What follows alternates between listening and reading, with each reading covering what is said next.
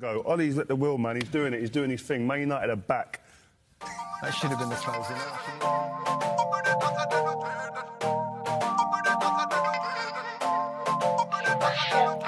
Tjo! Välkomna till ett nytt avsnitt av Avbytarbänken. Vi snackar boll där vi någorlunda har koll. Det är den 10 december, även känd som Nobeldagen. Så varmt välkomna till den här tisdagsavsnittet. Det är avsnitt nummer 74 och vet ni vem som associeras till nummer 74 i fotbollsvärlden? Jag känner igen det lite numret, men det är, jag vet det är en till sån här okänd spelare. Men Det måste var det som att verkligen var vara. Jag ska 74? alltid börja avsnittet så. Alltså jag egentligen... Låt mig gissa, vi- visst var det, det måste ha varit en spelare i Serie A? Mm. Varför Mm. måste det vara det? Men, För att det är oftast Italien där de har höga siffror på Det är oftast i Italien man får ha höga siffror, i Spanien Mm. får man ha 1 till 30. Men i England får man det också. Ja exakt, men i England så förekommer det inte så ofta som kanske så här. äh, Men om jag får gissa, det var någon i Milan. Nej, alltså jag kom på en bara, och det var Mm. typ så här på vägen hit, bara för att eh, hålla igång det här mönstret. För att vi startade med Manuel Lucatelli förra avsnittet, jag tänkte låt oss kickstarta med en ny spelare idag. mm. Men jag tror inte ni kommer komma på honom, för han är inte associerad sådär till nummer 74, men eh, Mohamed Salah, när han eh, Fiorentina eller? Fiorentina, Mm. exakt. När han eh, blev utlånad från Chelsea så valde han nummer 74 på, på ryggtavlan. Och vet ni varför han valde nummer 74? Uh, ja, det var det numret som var tillgängligt. Nej, alltså, det finns ju många andra nummer tillgängliga. Men nej men han ville hedra, eh, det var i, i Egypten så var det en match mellan El- Al-Masri och Al-Ahli. Och eh, Al-Masri vann den matchen med 3-1 och sen blev det liksom, eh, publiken stormade in i den matchen och det var minst 74 personer som dog under den händelsen. Så han ville hedra människorna som dog och valde nummer 74 på ryggtavlan. Så en fin eloge av eh, Mohamed Salah ändå. Intressant. Mm. Ja. Eh, men jag tycker med hjälp av eh, Mohamed Salah så kickstartar vi det här avsnittet. Kör! Ho ho ho, it's Mo! Det har varit en tät fotbollshelg, speciellt lördagen, och när alla storlag spelar på lördagen så vet man att det är ett Champions League-vecka som eh, väntar. Vi har haft ett Manchester-derby där staden målades rött, vinst till United med 2-1 i Etihad Stadium. Tottenham och numera Mourinhos mannar har vaknat till liv. De hade en bump in the road i onsdags förra veckan och åkte på en förlust mot just United i JC's återkomst. Men i lördags så vann man mot Burnley med 5-0 och det mest anmärkningsvärda från den matchen var Son Heung-Mins messiska mål där han sprang från halva plan och dribblade förbi sin motståndare och gjorde mål. Liverpool går som tåget, en övertygande vinst i Merseyside-derbyt mot Everton i veckan och i lördags en ny vinst mot Bournemouth. Carl Fredrik Ljungberg tog sin första vinst igår mot West Ham. Gabriel Martinelli, Nicolas Pepe och skytteligavinnare från förra året Pierre-Emerick Aubameyang stod för den showen. Frank Lampard och Chelsea åkte på sin femte förlust i ligan mot en annan fellow-legend som ledde sitt lag. Everton. Duncan Ferguson gjorde comeback i Goodison Park och som han gjorde det, 3-1 mot Chelsea. Vi har nu Ole Gunnar Solskjaer i United, Frank Lampard i Chelsea, Fredrik Ljungberg i Arsenal och Duncan Ferguson i Everton. What year is it? I Spanien står det stilla, i alla fall om man kollar på tränarstabben. Ernesto Valverdes Barcelona vann mot nykomlingarna Mallorca med 5-2. Thiago, Matteo och Kiro presenterade Ballon d'Or-bucklan tillsammans med pappa Messi. Lika må många mål som söner blev det för Lionel, men hattricken överskuggades av Terstegens assist till Griezmann och Suarez kandidat till årets mål med en otrolig klack. Aldrig sett något liknande. Greta Thunberg var pla på plats i Madrid. Då passade Real Madrid att spela i sina gröna tredje ställ i en ställningstagande för miljön. Det blev en vinst med 2-0 mot jumbon Espanyol i den här klimatmanifestationen. Mittbacken Rafael Varane inledde målskyttet i den första halvleken med ett kyligt avslut. Och den mer vane målskytten och anfallaren Karim Benzema ökade på med dryga 10 minuter kvar av ordinarie tid. Den tredje fransmannen på planen, Ferland Mendy, blev utvisad istället. Barca och Real står fortfarande på samma poäng med 34 vardera och det är nu 8 dagar kvar till en El Clasico. Toppduon i Italien, Inter och Juventus förlorade poäng mot varsitt Romlag. Men det största poängtappet kom från den gamla damen som förlorade 3-1 mot Lazio. Inter spelade kryss mot Roma på en Friday. Ja, på en Friday. Bara en Friday, inget annat Correro dello Sport. Milan tog en knapp vinst mot Bologna 3-2 och Atalanta likaså en knapp vinst mot Verona 3-2. Efter 1-1 mot Udinese i helgen har Napoli nu inte vunnit på sina nio senaste matcher. Den senaste vinsten kom 23 oktober mot Salzburg i Champions League. Um, ciao Ancelotti? I övrigt, Bayern München åkte på sin fjärde förlust i ligan efter förlusten mot Borussia Mönchengladbach. De är nu parkerade på en sjunde plats. Um, välkommen Pochettino! Neymar tillbaka i målskyttet med en läcker frispark och Ajax åkte på sin första förlust i ligan mot Alexander Isaks gamla lag Willem Zweig.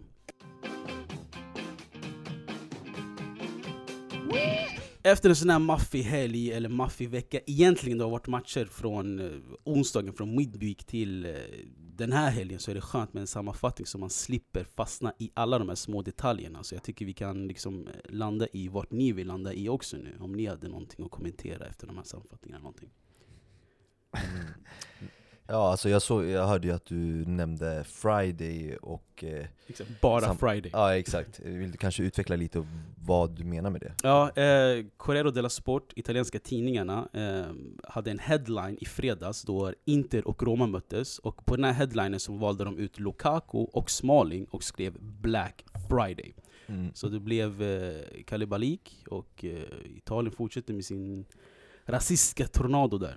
Ja precis, vilket alltså Det händer ju nu varje helg och det är ju tråkigt att prata om rasism och sånt men det När sånt här händer så, så måste man ändå lyfta fram det och prata lite om det i alla fall. Och speciellt nu när Lukaku, sen han anlände till Inter så har han utstått för liksom, för rasism i princip varje vecka. Allt började i första matchen där mot Cagliari som alla känner till. Eh, Och eh, grejen här, vilket som är väldigt tråkigt, det är att man Dels för att italienarna inte accepterar att de är rasister, för de, de är helt, en, helt enkelt okunniga och de förstår inte att de är rasistiska. Eh, Och sen för att liksom man nekar att man, är, att man har gjort något rasistiskt, det är det värsta man kan göra. Mm.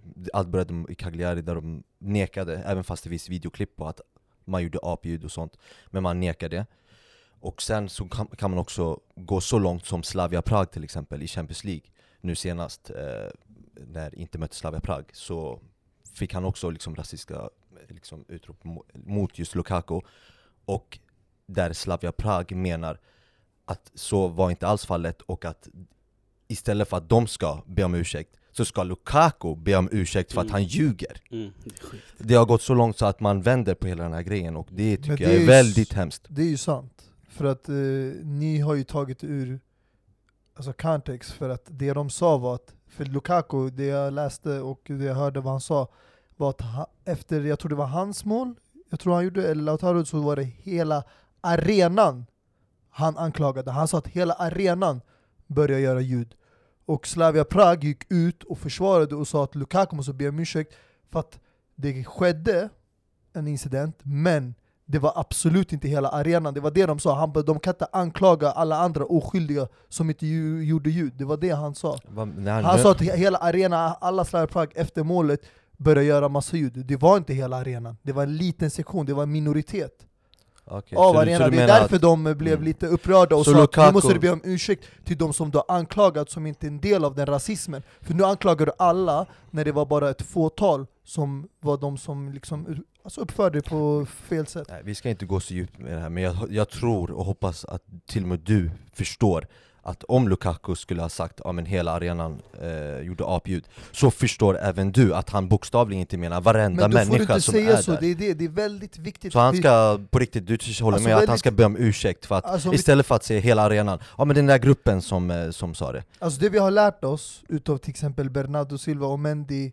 incidenten, det är att de här spe- fotbollsspelare och tränare, de måste vara väldigt försiktiga hur de uttalar sig i intervju, media och sånt. De kan inte anklaga vem som helst. De måste, man måste vara försiktig med sina ord och välja dem rätt. Men jag tycker det är lite orättvist att, att klandra Lukaku i en match när han ska hålla koll på vilken sektion Nej, nej, som nej, alltså buat det är rätt. Alltså avgjort. de har ju uppfört sig fel, men de gillade inte att han uttryckte sig på det sättet, att han anklagade alla. ja, men det går, Förstår du? För ja, men att det, tänk dig människor som Men det är ju fortfarande inte rätt att de ska be Lukaku be om ursäkt De ska be om ursäkt och kanske, ja, om det nu så Men du alltså känner tänk dig alltså om du är misstänkt för ett mord och sen anklagar jag dig och två till som inte ens var med på det och de åker dit för eh, medhjälp då måste jag väl be om ursäkt om de är oskyldiga sen, eller hur? För det var ju bara du som var den ansvarige. Jag kan inte anklaga de som var med dig fast de inte hjälpte till. De valde att avstå. Alltså det, det där var väldigt skev för det eh, första, jämförelse. För det första, du, du jämför äpplen med päron. Du jämför mord med rasistiska glåpord på en, på en match. Och jag tycker Lukaku ska absolut inte fokuseras i den här bilden att han, vilka han påpekat gjorde vad. För att Lukaku spelade en match, och jag tycker ens att man, man inte ska, ska, ska se det Lukaku sa ens. Alltså fokuset ska ligga i att Slavia Prag-fansen eh, gjorde apljud liksom. Och eh, nu när ni säger det så hamnade ju Fred också i sån här incident i Manchester Derbyt där folk gjorde apljud när han skulle ta en hörna i City-matchen. Och den, man har hittat det fanet och han har blivit avstängd eh, for life. Tycker ni sådana bestraffningar är eh, rättvisa och minst, det minsta man kan göra? Att stänga av fan. Det är verkligen life. det minsta, ja, det är verkligen det minsta man kan göra. Mm. I alla fall ja, visa att ni verkligen bryr oss, Vi- eh, visa att ni liksom eh, tar ställning till saker och ting. Mm. Och det är helt rätt, alltså livstid, ja Mm. alltså det, det funkar väl men kanske, ja men Kanske lite grovt Mm. för, vissa, för vissa människor, kanske känns så Men eh, i alla fall tio år minst Mm. skulle jag Jag, ty- alltså, ja, jag känner det är för hård bestraffning. Ja, för man kan ju alltid förbättra sig, Alltså, man kanske kan är rasist man, man bör kanske... bli straffad, få en böter, du kanske dra in din säsongsbiljett, och sen man får en andra chans. Uppför man sig, upprepar man det, då man kanske borde bli bannad for life. Men jag tycker man kanske borde stänga av först en hel säsong, du får inte närvara resten av säsongen på ingen match, cup, liga, Champions League, och sen ge en böter. Men sen åtminstone en person, ingen människa är perfekt. Alla begår misstag, alla är fel. Ge dem en andra chans, de kanske lär sig av sina misstag, av sin läxa, förstår du? Mm. Och sen kanske om de upprepar det, då bannar du dem for life. Exakt, alltså folk argumenterade också för att folk kanske var påverkade när de kom dit och de... vet, hela den det här är också, grejen de och dricker allting, mycket Men, ja, precis, men jag vet inte. Det, på matcherna. ja, hur som. Eh, när vi ändå är i Italien kan vi väl fortsätta i Italien också. Ehm, eller allmänt i Europa. Jag tycker det, det sker en, ett mak- maktskifte över hela Europa. Juven, det går dåligt för Juventus. Eh, City har det aldrig gått så här dåligt för dem sen typ Guardiola kom. Kanske hans första säsong och så. Eh, Bayern München ligger på en sjunde plats. Så vad, vad är det som händer just nu? Varför går det så dåligt för alla de här topplagen i, uh, utspritt i Europa? Alltså City, det är väldigt svårt att svara på det. För att de har den bästa truppen, om inte bara Premier League och England, i hela Europa. Om man kollar på deras bänk och startelva. Men eh, jag känner inte att det har gått så himla dåligt för, jag skulle säga Juventus. Alltså de har ändå fått in en ny tränare, lite nya spelare. Och eh, de spelar på ett helt annat sätt än vad de har gjort under Allegri och Conte. Så jag känner de liksom måste anpassa sig till en ny spelidé, en ny filosofi. Och det kommer ta tid för Sarri att implementera sitt spel.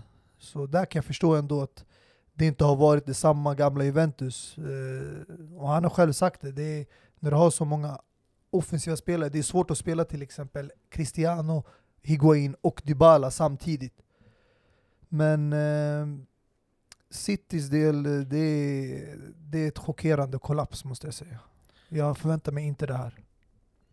Mm. Alltså egentligen kanske man ska ens så, eh, fokusera på Uniteds vinst också. Vinst mot Tottenham och City nu på, på, Mm. på samma vecka. Så eh, hylla bör den Ja. som ska ska. Egentligen. Ehm, jag vet inte, jag tror att eh, det kommer till en slutpunkt där utveckling måste ske också. Alltså att en, alltså folk kommer läsa av din spelidé till slut. Folk kommer känna av hur du spelar och ha liksom mottaktik mot dina taktiker. Så jag tror Guardiola befinner sig i en sån tid där det måste ske något nytt, alltså drastiskt. Mm. Eh, Och, så. och det är jättesvårt också och att, att liksom behålla sin första plats i sån här svår liga och en toppliga. Liksom. Så jag tror det är en naturlig grej som sker. Ja, ja, och sen alltså, man ska inte överdriva tycker jag, alltså, det är ändå Ja men, alltså du kan inte vinna varje år, så enkelt är det Mm. Eh, Och sen att du spelar lite sämre än vad du gjorde förra året, ja men det kanske beror på att du tappat motivationen Eller att du vet, man inte är van att li ligga liksom tvåa, trea Och eh, ja men det, ja, man tappar motivation helt enkelt. Och det är kanske det du menar, att man, måste göra något annat, kanske satsa på eh, ja, men, vad, vad vet jag, någon ung talang eller något sånt där, mer hungriga spelare. Mm, ja men exakt, för grejen i Citys fall nu till exempel, det finns ju massa spelare som är på utgångsdatum. Mm. David Silvas, det är hans sista säsong som han redan gått ut med. Eh, Fernandinho börjar gå ner sig lite. Så jag tycker det är nu i läget man ska ta in tydliga efterträdare. Till exempel David Silva. Ge Phil Foden den tid han behöver för att ta över David Silva när han, när han lägger av.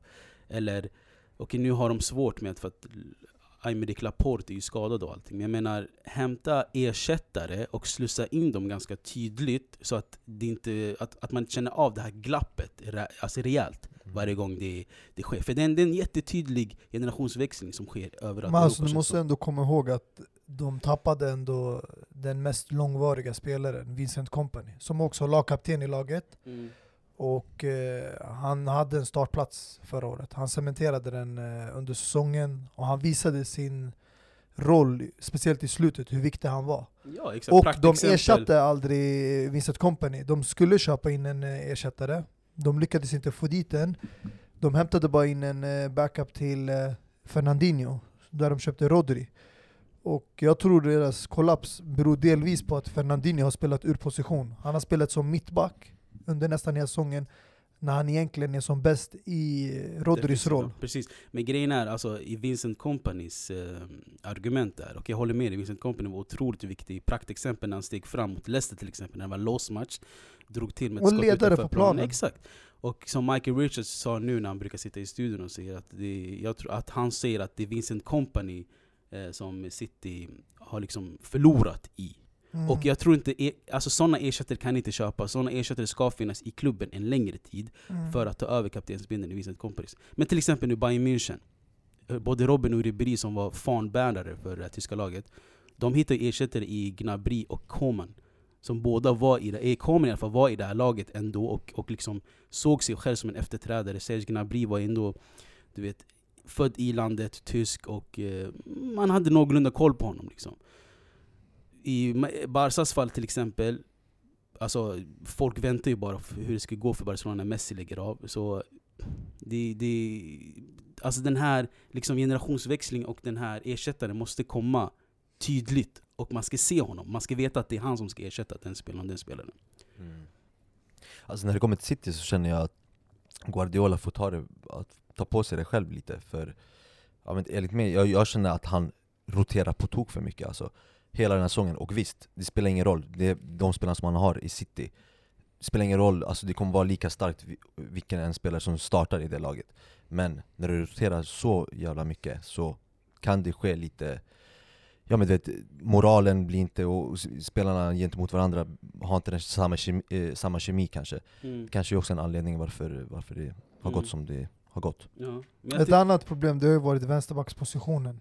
För Zinchenko, han var i start förra året. Han Mm. tog startplats. Nu, men det, han har kommit tillbaka lite halvt som skadan, fram och tillbaka. Och sen spelar han en hel del med också Angelino, som är ja, ett nytt förvärv, men han spelade förut för City. De köpte tillbaka honom. De hade en återköps eh, genom PSV. Så det är, jag tror det är de två positionerna, när du tappar i en vänsterbackposition och mittback, det är halva försvaret som är borta där. Mm. Och sen som du nämnde, Laporte är långtidsskadad, så det är försvaret de har egentligen problem med, det är inte den offensiva delen. Precis, men till exempel nu, jag, jag håller på att kika på La Ligas tabell lite snabbt. Alltså både Barca och Real, alltså Barca till exempel har tre förluster och det har gått 15 matcher. Real har en förlust och fyra kryss. Och det är nu de här andra lagen som Sevilla, jag tror till exempel på Real Sociedad, det är, de, det är nu de ska steppa upp. För alltså, tydligen så har ju Barca och Real en dålig säsong också. Men det finns ju inte den här konkurrensen i La Liga tydligt som det finns i Serie A eller England liksom. Ehm, så jag vet inte, det, det är jätteintressant. Men vi får som inte glömma bort också England. Vi har ett lag som har gått oslagbara nu i vad är det, 33 Premier League-matcher i sträck. Mm. Alltså om man räknar också från förra året. Mm. Så eh, det, det är svårt att hålla ikapp med ett lag som aldrig förlorar. Mm. Precis.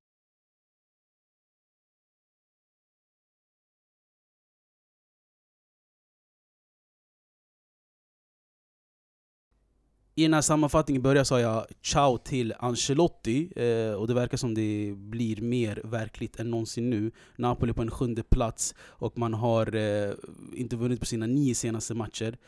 Och även där, de har ju blivit, alltså jag kan säga så här, de har blivit ersatta av ett annat ljusblått lag i Italien. I och med Lazios vinst mot Juventus så är de med i Scudetto-racet nu. De ligger fem poäng bakom Inter.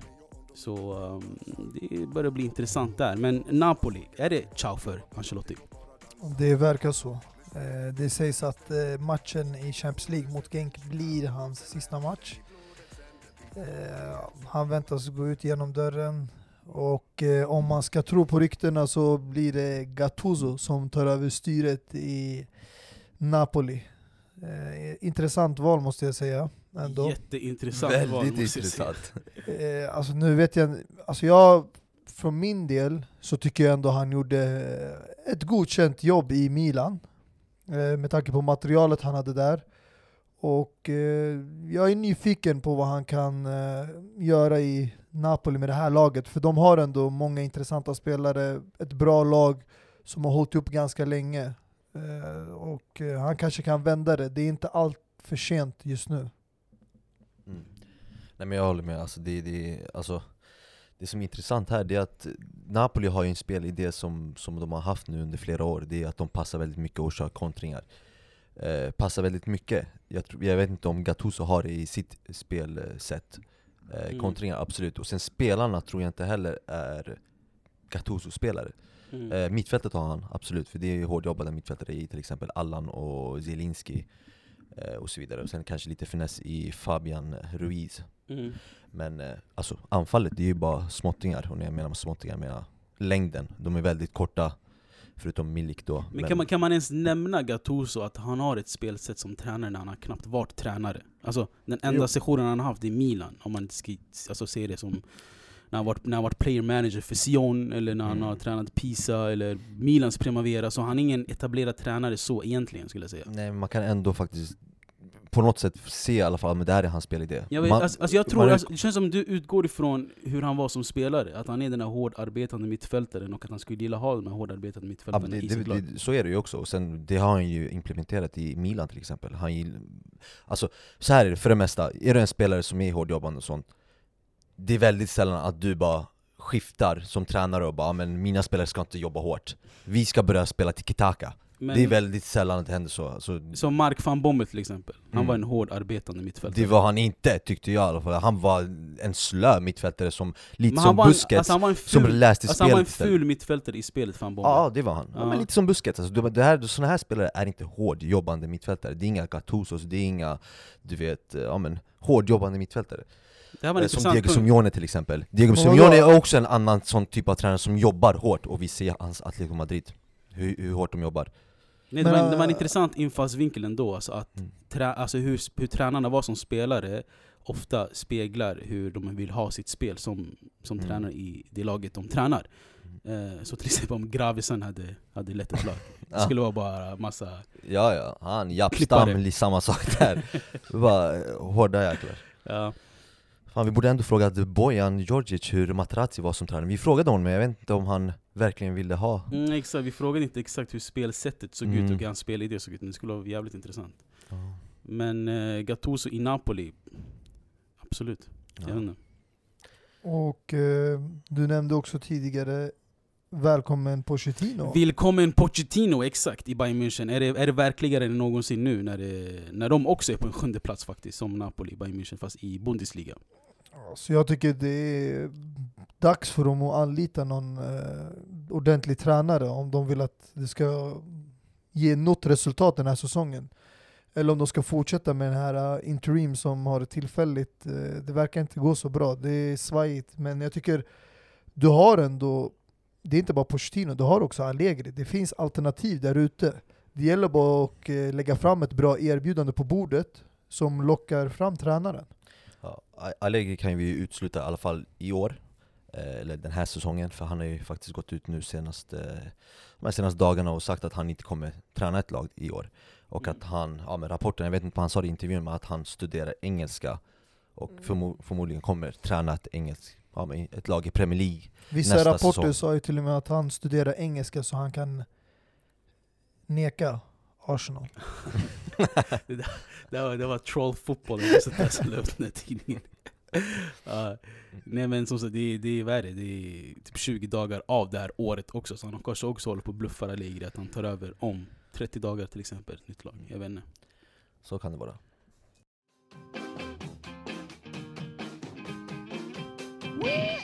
Om vi skiftar till Ligue 1 eh, och kollar ser serieledarna eh, PSG som eh, mötte Montpellier eh, i veckan och eh, man vann med 3-1 och målen gjordes av Neymar, Mbappé och Icardi. Vilket jävla sexigt anfall. Eh, men eh, det som var intressant i, det här, i den här matchen, det var ju slutet eh, på matchen där i 90 minuten så blev Kylian Mbappé utbytt och han blev sur för att han blev utbytt i 19 minuten och eh, ja, men hamnade i ja, lite tjafs med eh, Tuchel. Mm. Eh, och det här fick många att reagera. Eh, vad känner ni kring det? Alltså att du som en ung, liksom ni har vunnit matchen 90 minuten, vad är det, tre minuter kvar Mm. och du, ni har vunnit matchen och du Mm. blir utbytt Mm. och reagerar på det sättet. Hur Alltså, känner man då? Alltså jag tycker först och främst, jag tycker om någon ska bli arg i den här situationen, det är Choupo-Moting som kommer in i 90 minuten. Ja. Som är ändå en mycket äldre spelare än eh, Kylian Mbappé. Som har varit i, spelat fotboll i olika länder, bland annat Schalke, Stoke och allt det där. Så kommer han till PSG och så kommer han i 90 minuten byta ut en snorunge liksom. Alltså, jag vet inte, det, det känns som det är, en, det, är en, det, är en, det är en ny grej, en ny wave där spelarna blir arga och ska visa sitt missnöje när de blir utbytta bara för att visa liksom, jag är en stor spelare, jag gillar att spela fotboll hela tiden, jag ska inte bli utbytt. Det verkar som en statusgrej att man ska bli arg när man blir utbytt för att visa alltså, jag, jag är en stor spelare. Ja, jag håller med. Alltså det, jag, jag, jag tror också på att det, det handlar om det. Eh, och sen, det kan antingen vara det, det finns två scenarier. Det kan antingen, antingen vara det att han är fortfarande en snoring också, Mm. eh, och vill bara hävda sig och visa att du ska aldrig byta ut mig. Mm. Eh, för han är ju, vad är han, 20, 21? Fan jag vet inte hur gammal han är, men han är väldigt ung. Mm. Eller så kan det vara något annat. Och det är att han kanske vill, Alltså eller han, är gör, på dags att göra det här med flit för att han vill skapa kaos. han, gör, han, gör, han gör sina egna headlines Exakt. alltså. Precis. För att göra sig tillgänglig till eh, eh, Real Madrid. Exakt, det, det, det kan vara det också. Vad tror ni om det? Alltså, jag tror inte han eh, sitter och tänker på Real Madrid så här tidigt. Alltså, det har inte gått en halv säsong. Men först och främst, jag tycker det är alltid fel av spelare att reagera på det här sättet. För det är tränaren som tar besluten. Du ska respektera alltid tränaren. Men å andra sidan, jag förstår om man blir utbytt i 90 minuten och la, alltså laget håller ändå på att vinna liksom bekvämt. Eh, Det finns ju en annan eh, taktikmetod som tränare gör och det är att använda byte i 90 minuten för att slösa tiden. För att eh, sänka tempot i matchen, om man leder med ett mål eller oavgjort och man vill hålla kvar i något typ av resultat. Men att man gör bara ett byte sådär i 90 minuten, det känns lite ovanligt. Eh, speciellt med tanke på att eh, Montpellier som de mötte hade ju också rött kort. Eh, Men spelare som Choupo-Moting ska absolut inte ha någon talan. Alltså, de ska ju bara vara glada över att de får spela i sånt lag. Och eh, jag tror de har kommit dit medvetna om att de är en bänkspelare. De sitter för det mesta på läktaren och tittar på. Ja. Nej men det intressanta som du nämnde Mohammed, att han gör sina egna headlines, Kylian Mbappé. Alltså, jag tror, alltså alla spelare, och alla, speciellt de här stora och kända spelarna, har ju sina rådgivare. Och det kan vara eh, något råd han har fått från någon, någon liksom, eh, människa i, sin, i sitt team, att han ska reagera så här för att nu påbörja... Du säger att det är för tidigt Mustafa, men jag tror inte det är för tidigt absolut att tänka på en eventuell flytt i sommar. Och alltså, jobbet måste ju börja nu, Mm. om man vill göra sig tillgänglig för ett eh, storlag. I, i Alltså, Det var lite, lite på samma sätt som Haz- Hazard, jag vet inte direkt sådär men känslan är att han redan var klar för Real Madrid innan säsongen var slut. Men Hazard eh, först och främst betedde sig aldrig på det där sättet. Och för det andra, jag tror inte man har någon rådgivare för att hur ska du egentligen veta i förväg att du ska ens bli utbytt i 90 minuter? Ska din rådgivare ge dig råd och tips på hur du ska uppföra dig Det är klart han kan vid göra en typ det. av Det situation? är, klart, det är klart han kan göra, han kan ju säga om du blir utbytt, reagera lite extra. Reagera Om, lite exakt. Jag- Så du, det, är det. det är teoretiska Det är klart, det är, klart det är eh, teori. Jag, jag, jag, situationer jag har som inget bevis skett. på, på, Ja, på allt. Men, som med andra ord, om han inte nu skulle bli liksom utbytt, om Tuchel skulle behandla honom som en konung, han spelar 90 minuter och allt och han byter ut Di Maria och Neymar de här. mm. Vad ska han hitta på då för anledning för att lämna till Real Madrid? Han kan bli irriterad det på att han menar. få Alltså passningar de eller här någonting. råden och Alltså, jag tipsen tror- som de får nu, om de nu tar emot det, jag har svårt att se det, att de ska låta andra ta deras beslut. Det är liksom chansningar med andra ord. För du vet inte om den situation kommer uppstå eller inte. Men det är inte så svårt att, eh, att förutspå sådana situationer. När du har en Champions League-match eh, kommande så kan du ens förutspå att ja, han kommer vilja byta ut sina storspelare för att Men jag bli- tror också mer på den här sidan att han är fortfarande ung, omogen. Du vet, han vill spela och ha roligt, men han kommer lära sig sånt när han blir äldre. Det är som Cristiano. Förut var han också sån spelare som blev lite upprörd, arg när han blev utbytt. Men sen såg vi under senare tid med Zidane, när han började rotera och eh, laget och ibland bänka honom, ta ut honom, vila honom. Han eh, var ganska liksom respektfull mot eh, laget och speciellt tränaren. Ja, jag vet inte. Det kan finnas en rad olika eh, teorier kring det här. Men det, jag tycker det är en jättes- jätteintressant situation. Och jag tror inte alltså Mbappé ens funderar på att spela kvar i PSG ett år till. Så jag tror absolut det ligger någonting i det här. Ja, hur som helst. Eh, vi befinner oss i tisdag som sagt och det är Champions League-matcher idag as we speak. Den mest intressanta matchen idag är ju i eh, Giuseppe Giuseppe. Giuseppe, eller San Siro. Eh, Inter mot Barcelona. Tankar kring det? Alltså Inter får ju inte, får se nu, Inter får... Dor- Dortmund. Dortmund får inte ha bättre resultat än Inter Precis. för att eh, Inter ska gå vidare. Och när vi pratar resultat så menar vi inte i, i liksom... eh, Mål, utan Exakt. i vinst eller... Exakt. Om Inter vinner så måste... Alltså om, om Dortmund vinner så måste Inter också vinna. Exakt. Minst liksom. Vad tror du om eh, den här matchen då, kort?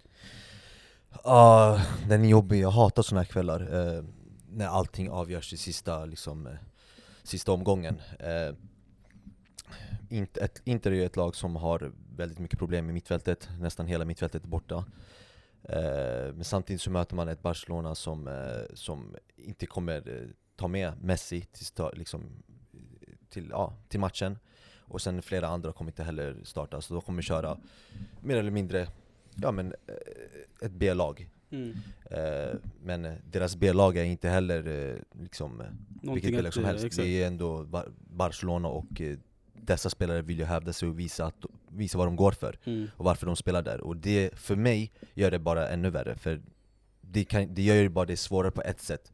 För spelare som vill visa sig och eh, vill visa vad de går för, gör eh, liksom det, det är skillnad än när man har startspelare som redan vet att man redan har vunnit. Alltså de de är redan vidare och sånt. Så det kan bli jobbigt, men jag tror faktiskt helt ärligt på att det kommer bli ett, ett kryss där. Ja. Eh, och grupp H då, eller i Mustafas egna ord, Akademigruppen. Ajax, Valencia, Chelsea och Lille. Ajax som leder med 10 poäng, Valencia med 8 och Chelsea med 8. Hur tror du, och Chelsea som ställs mot Lille idag för övrigt och Ajax mot Valencia. Hur tror du den gruppen kommer se ut idag? Alltså det är svårt att säga eftersom eh, Valencia-Ajax-matchen eh, avgörs ju mellan de två.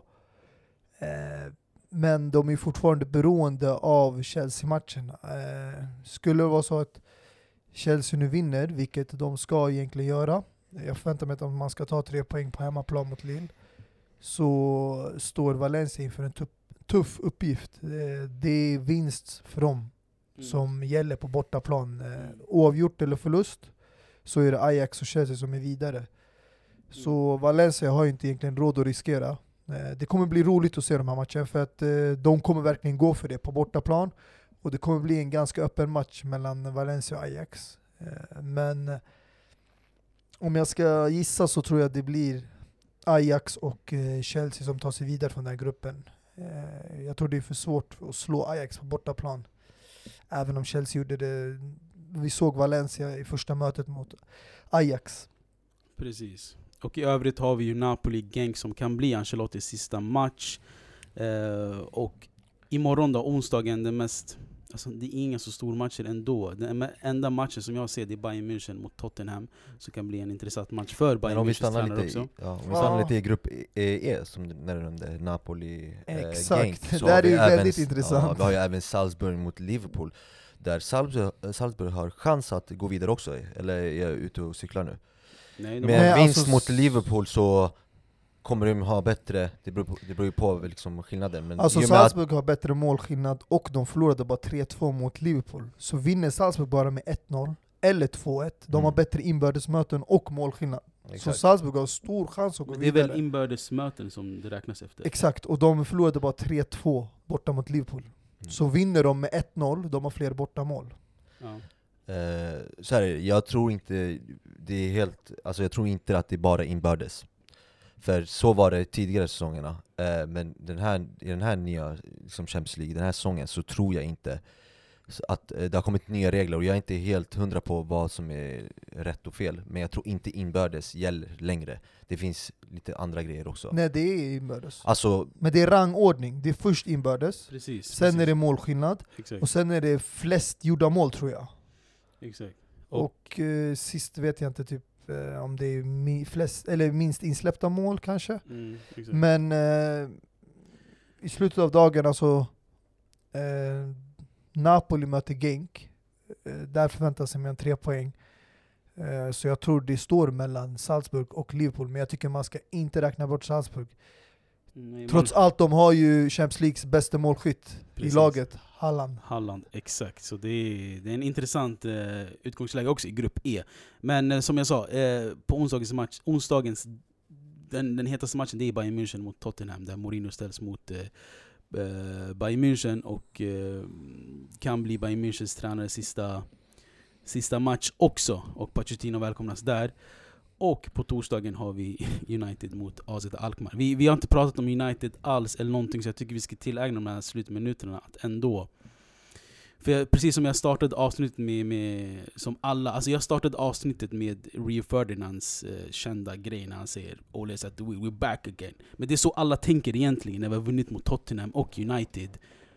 Vad tror ni att United är på väg nu mot? Är det nu en, en, en liksom nedförsbacke att man har klarat alla de här? För man har vunnit mot Chelsea, man har kryssat mot Arsenal, man har vunnit mot Tottenham, man har vunnit mot City. Så det är ändå någonting som ska understrykas här. Och Mm. ni kryssade mot Liverpool. Precis, och kryssade mot Liverpool också. Så Mm. ingen förlust mot de här topp fem lagen. Så det är ändå någonting som ska understrykas och det är någonting som ska nämnas för Ole Gunnar Solskjaer tycker jag ändå. Alltså det som man kan stryka under det är att eh, han gör det riktigt bra mot topplagen. Men jag tror också det är för att hans eh, spelsätt passar mot topplagen och hur de spelar. Men när du möter de här uh, mittenlagen och bottenlagen, de ställer upp på ett helt annat sätt. Och jag tror det är det som är problemet med United och Solskjaers spelidé. Det här uh, the Fergie som vi alltid pratar om. Mm. Eh, och vi alla vet. Så Det är egentligen- kontringsfotbollen. Den är lite mer svår att applicera på hemmala, alltså hemmaplan mot de här smålagen, för de ligger lågt. Mm. Och då måste du vara lite kreativ, hitta på andra idéer och sånt när du ska komma och liksom bryta ner försvaret, göra mål. Och jag tror Solskär, alltså det här, man kan inte säga liksom United är tillbaka, för att eh, vi får inte glömma bort, det som är ett krav är topp fyra. Ja. Och ni ligger inte där än. Men eh, alltså fortsätter det på samma spår, självklart. Eh, men jag tycker han, det han har gjort den här veckan, det är ju rädda sitt jobb. För han satt på en livlina. Mm. Han var på väg att eh, liksom hamna eh, på samma, eh, samma väg som Pochettino och eh, ja, Silva och Mm, alla de där mm, tränarna. Så mm. det är bra insats, Mm. måste jag säga. Väldigt bra insats mot två bra lag. Alltså fem poäng från topp fyra nu och eh, egentligen det du, alltså om jag ska tolka det rätt, du säger liksom att United gör det bra mot de här toppklubbarna för att man spelar som en liten klubb, man kontrar mycket Inte att man spelar som en liten klubb. För jag, jag, ska bara, jag, jag ska bara försöka avsluta din teori. Och när man möter de här smålagen och bottenlagen så har man svårt för man spelar på samma sätt. Liksom. Man spelar som ett litet lag. Eh, och just därför, för Ole, Ole Gunnar Solskär använder ju det han har och han använder Martial, Fred, eh, Rashford och Lingard på bästa möjliga sätt. Att kontra. Så jag tycker Alltså det jag, jag sa det tidigare, United behövde inte verkligen ersätta Lukaku. Jag visste att Rashford skulle fylla i den här uh, positionen. Och det har han gjort, han har bevisat det. Han gör mål, assist, eh, verkligen nu senaste veckorna han har verkligen levererat. Men eh, det som saknas det är lite mittfältet. Alltså Fred har gjort det bra nu senaste matcherna. Men nu, jag vet inte, Pogba, han har ju varit skadad ett bra tag, så jag vet inte om han kommer in. Kommer det göra United bättre eller sämre? Det är det som är den stora frågan. Mm. För det är den där kreativiteten som saknas. Men Mm. jag har inte sett något problem med liksom anfallet. Det är bara att Martial har varit skadad, så nu när han är tillbaka, de verkar sp- spela ihop i bra, han och Rashford. Mm. Nej, det är en fin, fin kombination alltså. Så vi får väl se hur det slutar för United helt och hållet. Men jag tycker vi avslutar så här. Vi började med United och avslutar med United. Om ni inte har något mer att säga så hörs vi någon gång nästa vecka. Absolut. Peace! Dagarna, vi har gameplan. Känner mig som Messi. Värvades av Elan, baby. Formades i fabriken för att bli den bästa här av all time. Och nu de matar mig. Vunnit alla priser, guldbollar i deras mun. Brorsan du är superettan, vi är Champions League. Du bara pisan bredvid ballen. Lekte Diego Armando. Blev tuff på vita linjen. Snackar fick slatt, spark, taekwondo. Läs rosa delning av tidningen. Stora scener, San Siro. Sedlar till min bankgiro. Vill ta min plats, det är ingen där du bor. Finns ingen fest, det är en amigo. Finns ingen fest, det är en amigo. Finns ingen fest, det är en amigo. Mannen sätt dig ner nu tranquilo. Gaddar om med pennan, snälla. Jag och Pesci upp i kasino. När var du på vår nivå? Jag kör en annan division. Champions League.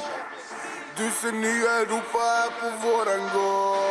Du spelade mot fel person. Champions League Blod, svett och tårar på min ansikt. Ribberi är den här där min hud. Jag går full fart inom industrin. 360, 360 All-star, det här mäktigt boy. Du lag vid Champions League. Chop dig för time, du vet vi man you Red line suckers, vinner ligan, får chans suckers. Håll i ryggen Falcao. Om det är match jag kommer med en nine suckers. Lejonhjärta, vi champions. Bro det här var street anthem. Europeisk Araba, jag har aldrig suttit en phantom. Kommer till din plan, fintar ut dig Robbar sen din stash, skickar zingen till akuten. What a guan Sexy Gary, brasilian Blattar upp i Paris Saint-Germain. We champions. När var du på vår nivå? Jag kör en annan division. Champions League Du ser nya Europa här på våran gård. Du spelade mot fel person. Champions League Zlatan du min bratte Zlatan du min bram. Jag så Zlatan du min blatte. Visar oss hur man tar sig fram. Röda laget Liverpool, aha. Hämta bollen lillebror, aha. Cap nu Samuel Eto'o. Afrika det håller mina skor Parley Francais. Kom si, kom sa. Medelmåtta, kom si, kom sa. Hur vågar du tänka på något skivkontrakt När du borde tänka på vara koncis konstant? Jag sa Kom si, kom sa. Du kommer aldrig känna någon frisk kontant. Om allt du tänker på är bara is och glam Försöker bli som han och lägg G någonstans. Det här är 10 000 timmar träning. Det här är mer än bara tur och ingen kassatärning Hela stilen är som motherfucking orten bror Du ska lära dig idag du min lilla lärling För jag kör mot alla säckor Kommer ifrån gettot Brev var det med dig Säger salam aleikum Här finns ju inga späckos The red line records Alla hemma mallen, mannen allt jag hör är eko Du vet jag sa När var du på vår nivå? Jag kör en annan division. Du ser nya Europa här på våran gård. Du spelade mot fel person. Never du på vår nivå Jag kör en annan division Champions League Tusen nya Europa